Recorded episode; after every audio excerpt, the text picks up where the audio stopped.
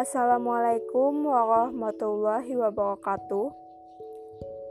Saya akan menyampaikan kesimpulan dari pengertian teks hasil observasi.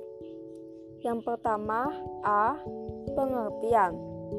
Teks hasil observasi adalah teks yang memberikan informasi secara umum mengenai sesuatu berdasarkan fakta dari hasil pengamatan secara langsung yang meliputi keadaan alam, lingkungan, hewan dan tumbuhan, sosial, peristiwa, kesenian, serta kebudayaan. B. Teks hasil observasi bersifat pertama informatif, kedua komunikatif, ketiga objektif. C Struktur teks hasil observasi yang pertama ada pernyataan umum, terdapat pembukaan. Kedua, deskripsi bagian, terdapat isi, rincian, pembahasan, dan penjelasan. Dan yang ketiga, deskripsi manfaat yang terdapat fungsi. D Kaidah kebahasaan teks hasil observasi.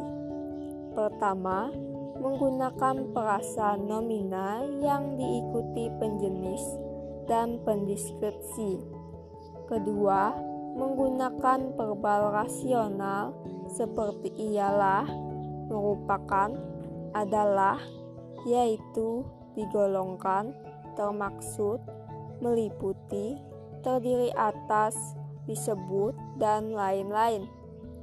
Ketiga, menggunakan verbal aktif alam untuk menjelaskan perilaku seperti bertelur, membuat, hidup, makan, tidur, dan sebagainya.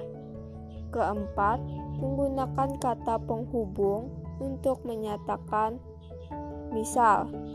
Kelima, Kata tambahan digunakan kata dan serta. Keenam, kata perbeda, berbeda dengan. Ketujuh, kata persamaan, sebagaimana, seperti halnya, demikian halnya, hal demikian, sebagai hal yang sama. Kedelapan, kata pertentangan, seperti kata sedangkan, tetapi, namun, melainkan, sementara itu, dan lain-lain. Kesembilan kata pilihan biasanya atau kesepuluh kalimat simplek dan kompleks, kesebelas kalimat definisi dan deskripsi, kedua belas kata keilmuan atau teknis seperti herbivora, generatif, osteoporosis, mutualisme, parasitisme, dan lain-lain. Sekian kesimpulan dari pengertian teks hasil observasi dari saya. Wassalamualaikum warahmatullahi wabarakatuh.